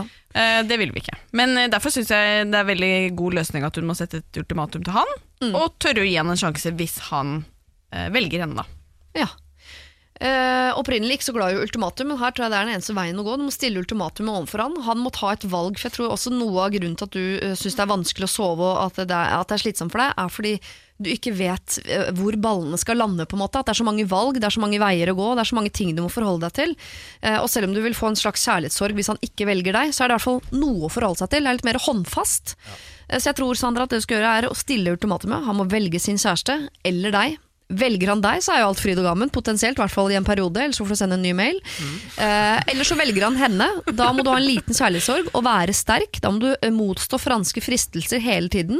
Det kan vi godt gå gjennom sammen. Vi kan love hverandre her og nå, Sandra, at vi skal motstå franske fristelser. I hvert fall fram til julaften. Da er det fri. Siri og de gode hjelperne. Anne Marie hun eh, mimrer tilbake til 2002, og det eh, deler hun jo med Olga. Hva jeg snakker om det, det forstår du kanskje ikke, men det betyr bare at ikke du har hørt hele Siri og de gode hjelperne i dag. Da anbefaler jeg at du laster ned podkast og hører fra starten, så skjønner du hvorfor jeg driver og snakker med en Olga som driver og mimrer seg tilbake til 2002. Anders Hoff, min gode hjelper, og Katarina Flatland, min gode hjelper, dere skjønner jo hva jeg mener, selvfølgelig, for dere har vært der hele tiden. Ja. Selvfølgelig, Vi kan alt om Lanoungen og problematikken rundt Olga. Dette kan vi veldig godt. Ja, ja, dette kan vi på rams. Trenger ikke å podkaste noe som helst. Vi. Nei. Vi skal til eh, problemet til en som heter Karen. Og dette er egentlig et sånt problem som Det er på en måte ikke Karen sitt problem. Problemene har ikke noe med henne å gjøre. Hun bare vet om problemene og lurer på om hun har en moralsk forpliktelse til å eh, være eh, meldebudet. Meldebudet. Fins det ordet? Jeg vet ikke, men det hørtes helt ut som eh, Nå er det et ord. Nå er det et ord. Meldebudet. Ikke drep meldebudet, pleier de å si. Jeg har en venninne, Malin, som eh, for flere år tilbake var sammen med min fetter Thor. Jeg og Thor er veldig nære venner og snakker om det meste. Malin og jeg er ikke like nære, men vi er i samme vennegjeng. Malin og Thor var sammen i tre år, og det er snart seks år siden nå. Jeg har i ettertid fått vite at Malin skrev ganske skittent til en annen kompis av meg mens hun var sammen med Thor. Blant annet om hvor mye hun ønsket å ligge med han og bla, bla, bla. Like etter dette slo Thor opp med Malin, og da dro hun til min kompis og lå med han. Thor vet ingenting om dette og husker bare tilbake på deres fort, eh, fortid sammen som fantastisk, og han sliter derfor med å komme over Malin, eh, i hvert fall når hun nå eh, gjentatte ganger driver og kommer tilbake til han. For når Malin har vært i forhold med andre menn, så ringer hun ofte, og hun har møtt Thor, og hun har ligget med Thor en gang også. Men den daværende kjæresten vet ikke noe om dette, altså. Thor har hatt vanskelig for å glemme henne, og hver gang hun tar kontakt, så er han altså tilbake til null. Nå er de begge i midten av 20-årene, og begge bor i samme by, og begge er single. De har møttes en kveld på byen i sommer, og de har tilbrakt en natt sammen. Han vet jo allerede at hun var utro mot den andre kjæresten sin, da med Thor selv. Men han vet ikke hvordan hun var når han var i forhold med henne. Jeg har veldig lyst til å fortelle det. Jeg har lyst til å fortelle Thor alt jeg vet, slik at han kan se at hun ikke er en jente han bør ha tillit til. Dette er jo noe som har skjedd for lenge siden, men Thor hadde jo kanskje hatt godt av å vite dette for å kunne klare å avslå henne og gå videre i livet sitt. Å, dette er vanskelig! Hjelp! Love you! Klem fra meg.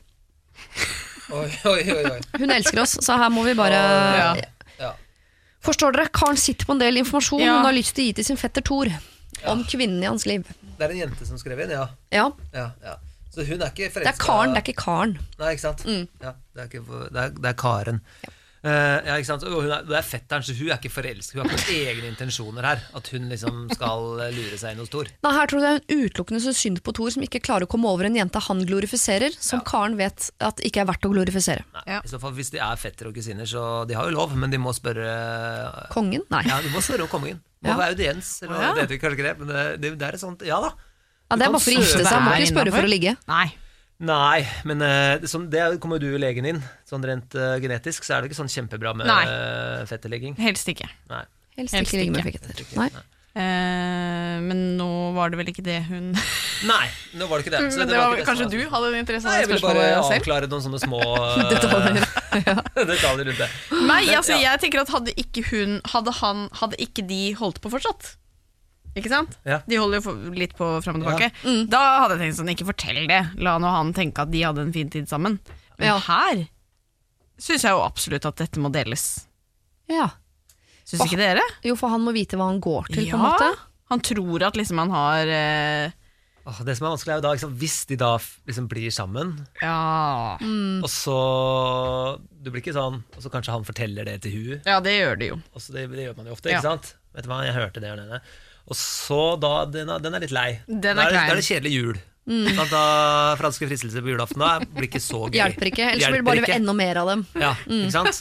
Veldig mye rør, eh, i familieselskapet. Men kan Karen snakke med Malin, da? De er jo ikke veldig nære, men de er i eh, samme vending og si noe om at eh, Jeg har hørt at du kanskje ikke Jeg er veldig glad i fetteren min. Jeg har hørt at du ikke behandla han så bra forrige gang, og nå ser jeg at dere er i ferd med å bli sammen igjen. Jeg, bare, hå- jeg er veldig glad i han, som sagt. Jeg håper at du kan behandle han godt denne gangen. Ellers så knuser jeg trynet ditt. Ja. Ellers så Du må knuser legge på denne i så fall. ja. Ja. Det, vi begynner å, det kan hende det er eh, Eller blander man seg for mye i andres. Ja, det er det. Ja, Det er og vanskelig, altså. Men det er jo lov å bry seg òg. Det er jo det, men det er jo selvfølgelig altså, ah, den er, den er, Jeg ser at den Ja. er vrien. jeg tenker at hun kommer ikke til å bry seg veldig om at hun får den beskjeden av kusina. Liksom. Nei, du tror ikke det? Nei, tror jeg ikke. Fordi du setter jo ø, spørsmålstegn ved hele hennes moral. Altså Ja. Malin sin. Ikke sant? Så da er det altså Thor som står igjen. Si noe til Thor, eller ikke si noe i det hele tatt. Yes. s- eh, Og så er det en timing her også. At hun eh, Malin Ja, virker jo ikke så veldig sympatisk nei. Uh, når hun driver og holder på sånn. Selv om hun også kan ha hatt en dårlig periode i livet sitt. Ja, Det vet vi ikke. Jeg vet ikke. Du er raus med folk, ass. Ja, nei, men det vet, det vet vi jo ikke. Nei, det vet vi ikke. Eh, alle har gått gjennom rare faser Ja. i livet, og kanskje hun har vært usikker og rar, og alt mulig rart, Ja. men plutselig har hun skjønt at det er Thor som Ja. jeg trenger. Han er basen i mitt liv. Ja, ja. Han er eh, puslespillbrikken som eh, mangler, Ja. som gjør at alt faller på plass. Ja. Eh, og at hun da oppfører seg ordentlig. Kan hende. Sannsynligheten er veldig liten. ja. Eh, Men da har du sagt det. da har jeg ja, sagt du har det. nevnt Sagt det, det. liksom. Um, Men kanskje hun skal la, la se hva som skjer i denne runden, for dette er jo faktisk bare runde to hvor de to begge er single og har muligheten til å kjøre en runde to. Ja. Ja. kanskje, ja. Og hvis, hvis det bare ruller og går og begge er lykkelige og sånn, kanskje bare la de holde på med sine liv, men hvis det blir en liten knute på tråden, være Så kjapp på pletten, Ja. inne med noe nå snakker info. vi, Siri. Du har gjort dette før. Dette hører, nå, har du, nå er du der. Ja, det er bra. eh, Ja, for hvis det blir ja. bra, så vil det jo ikke ødelegge, men hvis hvis det går dårlig igjen, så er det greit å, kaste bensin på det bålet, Ja. Ja, fordi du vet jo ikke om Hun, hun er jo tydeligvis typen som kan holde på med litt andre ting mens hun holder på med Thor. Ja. Eh, og det vet du jo ikke om de gjør, hun gjør nå heller. Du Følger kunne med gitt litt han der. en heads up, da. Ja, det er bare, da går man kanskje inn og ødelegger noe som kunne vært bra. Ja, det er det òg, vet du. Kan hun spionere? Ja, Kan du det? Men tro, er, det høres ut som de lever i en sånn ganske lite, lite verden, da. Ja. Ikke i Hobøl, men Er vi tilbake i Gjøvik? eh, kanskje vi er på Gjøvik. Ja. Hvis de liksom vet så mye om hverandre og fetter og kusiner, Ja. og Ja, at det det liksom er er, sånn, det er liksom tight. Ja. Eh, kanskje, men da De er jo bare, de er jo bare 25 år, Mm. så de har lov å, å feile litt og bomme litt. ja. Det er liksom, jeg tenker sånn i forhold til Når de skal begynne å gifte seg og få barn og sånn, da bør man jo være liksom Da hadde jeg følt et større ansvar Ja, ja, for at hun måtte sagt fra. Ja, Ja. Det er jeg enig i. Det han sa. Ja, det han sa. Anders heter han. Ja, Anders, hva kan det, Anders? Uh, nei, for det tenker jeg det, da, da, Hvis det liksom var sånne ting som sto på spill Ja. Men uh, hvis de, For det er, litt- var det jeg tenkte på at du liksom Det kan hende de er, de er unge og, og de Kanskje Det er bare andre runden, liksom. Ja, ja. Selv om sannsynligheten er stor for at det samme skjer igjen, da. Men, da, men da, da må man gå inn. ja. Det mener jeg. Så gi det én sjanse til. Ja. Altså Nå er de 25, de er ikke 19 lenger, sånn som Nei. forrige gang de var sammen. Eh, De har vokst begge to, og kanskje det er de to. Da skal de få lov til å få muligheten til å gå inn i en litt sånn fin tid sammen. Ja. Men hvis du hører noe som helst antydning til grums, at hun er Ser på utpå og sklir, at det er et eller annet, ja, ja. da er du på pletten, altså. Ja, det er- det er og da er det ikke noe konfliktskyhet eller noe mailing via noen radioprogrammer eller noe som Nei. helst surr som stjeler tid. Nei. Da er du på, Yes. og du sier det du vet, Ja. rett til han som ditt hjerte ligger nærmest, som er altså din fetter. Ja. Ja. Setter deg i bilen i Hobøl, kjører rv. 65 strak av veien. Rett inn til Tønsberg sentrum. Til Tønsberg sentrum. Ta bussen over Oslofjorden, og så er det Hobøl. Ja. Kjempebra. Igjen, dette må podkastes for å settes i system, alt det vrøvlet vi kommer med nå. Men alt, altså det er som en uh, god Seinfeld-episode. Ja. Alt har en rød tråd. Ja, det har jo det. Siri og de gode hjelperne. Søndager fra to på Radio 1. Og vi har kommet dit i uh, Siri og de gode hjelperne at uh, både jeg, Siri Kristiansen og mine gode hjelpere Katarina Flatland og Anders Hoff skal få lov til å dele ut en handlenett. Først vil jeg gi et handlenett til Ida, som ble 18 år den 14. oktober, og som eh, snart skal feire. Og vi har prøvd å hjelpe henne litt med hvem som skal komme. Om du må ha sendt dem lenge eller ikke, og hva dere skal gjøre for at dette skal bli en bra feiring. Du skal i hvert fall få et handlenett. Så vil jeg sende et handlenett til Lano-ungen 1995 som har vært så uheldig å treffe på en gammel barnehagetante som nå eh, nærmest stalker på, eh, på Snapchat. Og eh, Lano-ungen orker ikke å være høflig lenger og lurer på hvordan han skal bli kvitt denne barnehagetanta. Pernille, du driver og ligger med eksen til en bekjent, og for det skal du få et handlenett. Vi belønner jo, Vi belønner jo- dårlig oppførsel i dette programmet. Ja, det fint. Eh, Får de handlenett på ordentlig, eller ja, ja, på ordentlig.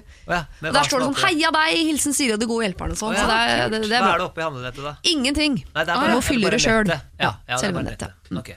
Nora, du har en kollega som stinker, og derfor så må du si fra til din sjef, som må legge dette på HMS-kvota og, uh, og kalle nyansatte inn på teppet. Og for det skal du få et eh, handlenett. Som du kan putte med nye klær og, Og gi til han. Og Ja, og deo, Ja, ikke sant. minst. Ja. Eh, Karianne, du gruer deg til å møte Hilde, for dere var venninner før. Det er dere ikke lenger. Du har sagt at du ikke har noe med henne å gjøre, men det må du plutselig, for dere skal i samme fest. Og der er du nødt til å face Hilde, og for det skal du få et handlenett. Eh, og så har vi da eh, Karen, som har en eh, venninne som har vært sammen med fetteren hennes Thor. Eh, og da, Hun har drivet surra mye rundt. Thor kommer ikke over Karen, for han tror at Karen er et fantastisk menneske. Det vet du at hun ikke er, men vi har bedt deg holde kjeft om det litt lenger, til det viser seg nok en gang at denne Malin kanskje ikke er et bra menneske. Og for det skal du få et handlenett. Og så må vi jo ikke glemme Sandra. Eh, som uh, er forelsket i Felix, denne franske Felix. Ja, ja, Eh, gutten med hår på overleppa og litt sånn stram urinlukt. Du er forelsket i han, han er forelsket i deg, men han har jo en annen dame, da. Så vi har bedt deg om å gi han et ultimatum, og for det skal du få et handlenett. Da skal dere få lov til å dele ut handlenett. Og Katarina, jeg er spent på hvem du vil dele til. Ja. Og du skal få lov å fylle. Ja, Ja. Jeg skal få lov å fylle. vi får lov å fylle Ja. handlenettet. Ja. Men altså, um, umiddelbart må jeg også bare si at jeg blir jo skremt av alle de skal vi si halvdårlig, men også noen gode råd vi har gitt her i dag. For nå fikk vi de oppsummert. Ja, det var ikke så bra. Nei, du blir jo minna på hva du har bedt folk om å gjøre. Ja. Så jeg føler kanskje ikke at jeg er den eh, beste til å gi råd, men jeg har lyst til å fylle et handlenett med. Kan jeg fylle med to ting? ja. Ok. Fordi jeg, eh, jeg velger å gi et seriøst handlenett, da. Ja, Jeg går for noe mer seriøst. Dette, Ja, dette blir ikke koselig. humor. Nei, det er ikke noe humorshow, dette. Eh, det er jeg glad for. Det er helt Det er dødseriøst. Så jeg vil fylle mitt eh, handlenett med masse penger. Mhm. eh, for det kommer alltid godt med. Og løsningen på kreftgåten. Og gi Ja. det til Kreftforeningen. De har nå Rosa sløyfe-aksjonen. Jeg er ikke noe i, da, i disse influensertider. Jeg er ikke sponsa av Rosa nei, nei, sløyfe. Men det ligger mitt hjerte veldig nært. Ja. Eh, så hvis jeg liksom hadde kunnet gi til hvem som helst og velge hva jeg ville gitt, så ville jeg gitt det, tror jeg. Masse penger og løsninger på kreftgåten til Kreftforeningen. Yes. Ja, det er veldig fint. Føler du deg litt dum nå, Anders? For jeg regner med at du sitter ved siden av der og har tenkt, fram, tenkt å framføre noe satire eller noe. Nå gleder jeg meg. Ja, så, så bra. Da, da det sånn. Bare, Dette kommer jeg dramaturgisk utrolig dårlig ut av, tenkte jeg. sånn, uh, Siri, du kunne jo bygd opp dette litt annerledes. Dette jeg, får jeg ikke kommet godt ut av uansett. Nei, jeg, jeg var jo litt mer nær, tenkte jeg. Jeg tenkte jo ikke så store, store tanker, så jeg var jo mest opptatt av uh, Olga. Ja. Oh, ja. Hun barnehagetanten eh, som eh, driver og sender litt ekle Snapchats til eh, barnehagebarnet sitt. Mm. og da tenkte jeg at eh, hun skal ikke få et handlenett. Å nei. Nei. Men min tante Astrid, Ja. som ikke sender meg eh, ekle, slibrige familiebilder på Snapchat, fordi jeg ikke har Snapchat eh, heller, for så vidt. Men eh, hun kunne gjort det andre sted. Hun kunne sendt det bare I sendt posten. meg bilder i posten. Det hadde vært enda mer skummelt. så det har hun heller ikke gjort. Eh, så tante Astrid hun skal få et handlenett. Ektetante eller barnehagetante? Barnehagetante. Ja. Jeg er barnehagetante med Astrid, Ja. Så jeg husker godt. Lever hun Eh, fortsatt i beste velgående? Jeg tror hun lever, hun lever fortsatt. Ja. Eh, Beste velgående og sånn. Det, det, det, jeg håper det. Ja. Jeg håper det virkelig. ja. Hva skal du gi eh, denne Astrid, da? Et handlenett fullt av Hun skal få et handlenett fullt av Nå har jeg det. eh, de tingene vi spiste i barnehagen. Tomatsuppe. Eh, du hadde en bedre plan, du. med makaroni, eller? Med makaroni. Ekstra Ja. makaroni. Eh, egg. er godt å ha oppi der. Altså, grøt spiser mye i barnehagen. Ja. Du kan få noen poser med grøt. Bleier, trenger man det? Eh, gamle mennesker. Hun er ganske gammel blitt, så kan godt hun trenger noe bleier. Det, Nei, jeg tenker Det er sånn typisk gave å gi til lærere og folk du, du har hatt i barnehagen. Sånn, så er det alltid at man gir sånn eh, håndblåst eh, fat fra Hadeland glassverk og sånn. det er sant! klassisk gave. og glassverk Det er Klassisk sånn, gave. ja, det er så utrolig kjedelig når du får de Jeg lurer på om eh, slenger et sånt oppi der òg. Ja, sleng opp et sånt ja. sånn gave der. Det var det jeg hadde. Da har vi løst kreftgåten og sendt til meg en aldri så lita nett. Handlenett. Jeg liker godt ordet handlenett. Ja, Ja, jeg liker det. Altså. Ja. Dere kan få dere òg hvis dere vil. Ja. Ja.